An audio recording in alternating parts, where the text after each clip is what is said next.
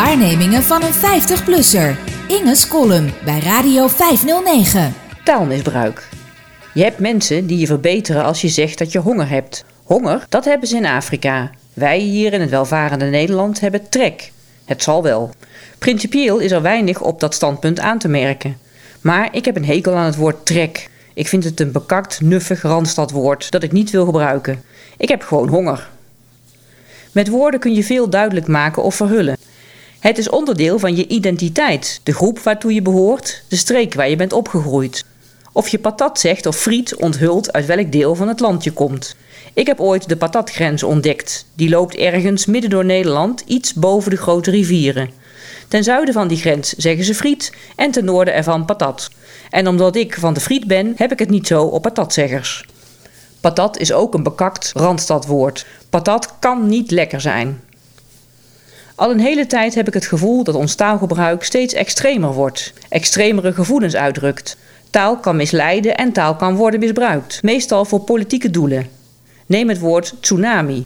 In 2004 hoorde ik dat woord voor het eerst. Toen was er een tsunami in Zuidoost-Azië, een enorme vloedgolf als gevolg van een zeebeving.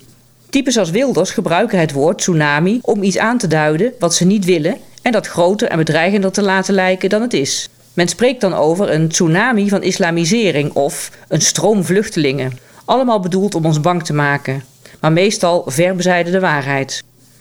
Deze coronatijd heeft zijn eigen misleidende vocabulaire. Neem de term het nieuwe normaal, waarmee een situatie bedoeld wordt die natuurlijk helemaal niet normaal is en ook niet normaal moet worden. Trap daar niet in. Onderliggend lijden is ook zo'n nieuwe term. Vervelend als je daar last van hebt, maar het goede nieuws is dat je snel aan de beurt bent voor het vaccin. Veel misbruik wordt op het moment vooral gemaakt van het woord veilig. Iemand zegt zich niet veilig te voelen in de trein. Dan weten de toehoorders in 2020 dat niet wordt bedoeld dat de trein zou kunnen ontsporen door ondeugdelijk materieel of dat er agressieve personen met wapens aan boord zijn. Nee, de persoon die aan het woord is, is bang in de trein het virus op te lopen. Hij vertrouwt zijn medemens niet. Studenten laten weten zich onveilig te voelen in de tentamenzaal. Dat heeft niets te maken met surveillanten die hun handen niet thuis houden of plafondplaten die naar beneden zouden kunnen komen. De student is bang in besmetting met COVID-19 op te lopen. Voor de duidelijkheid, het coronavirus is erg vervelend. Mensen kunnen er lang ziek van zijn, hebben soms maanden nodig om weer op een oude energieniveau te komen. En met name oudere, dikke en fysiek kwetsbare mensen kunnen er op een akelige manier aan doodgaan. Maar toch heb ik moeite met dat geklaag over onveiligheid. Onveilig voelen mensen zich in Congo. Daar las ik laatst iets over. Daar worden vrouwen en meisjes systematisch en bewust zo sadistisch mogelijk seksueel misbruikt en verminkt. Dat gebeurt in opdracht van een klein clubje mensen dat er belang bij heeft zoveel mogelijk onrust en paniek te zaaien om op die manier hun handelsmonopolie te behouden. Het land Congo heeft namelijk zeer waardevolle grondstoffen die veel geld opleveren op de wereldmarkt. Onveilig kun je zeker ook in Nederland zijn, maar dan toch in een donker spoortunneltje, s'avonds laat, waar een vent op een brommer je klem rijdt. Of op een slordig in elkaar gezette bouwsteiger waar de wind vat op krijgt.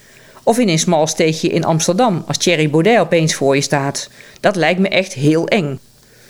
Het is echt niet onveilig in de trein, de supermarkt, een drukke winkelstraat of in het café als dat weer open mag. Laat je dat niet aanpraten. Ga je medemens niet als bedreiging zien voor de gezondheid van jou en je geliefde. Als we ons dat laten gebeuren, duurt het echt nog heel lang voordat dit virus weg is, zelfs al zijn we met z'n allen gevaccineerd.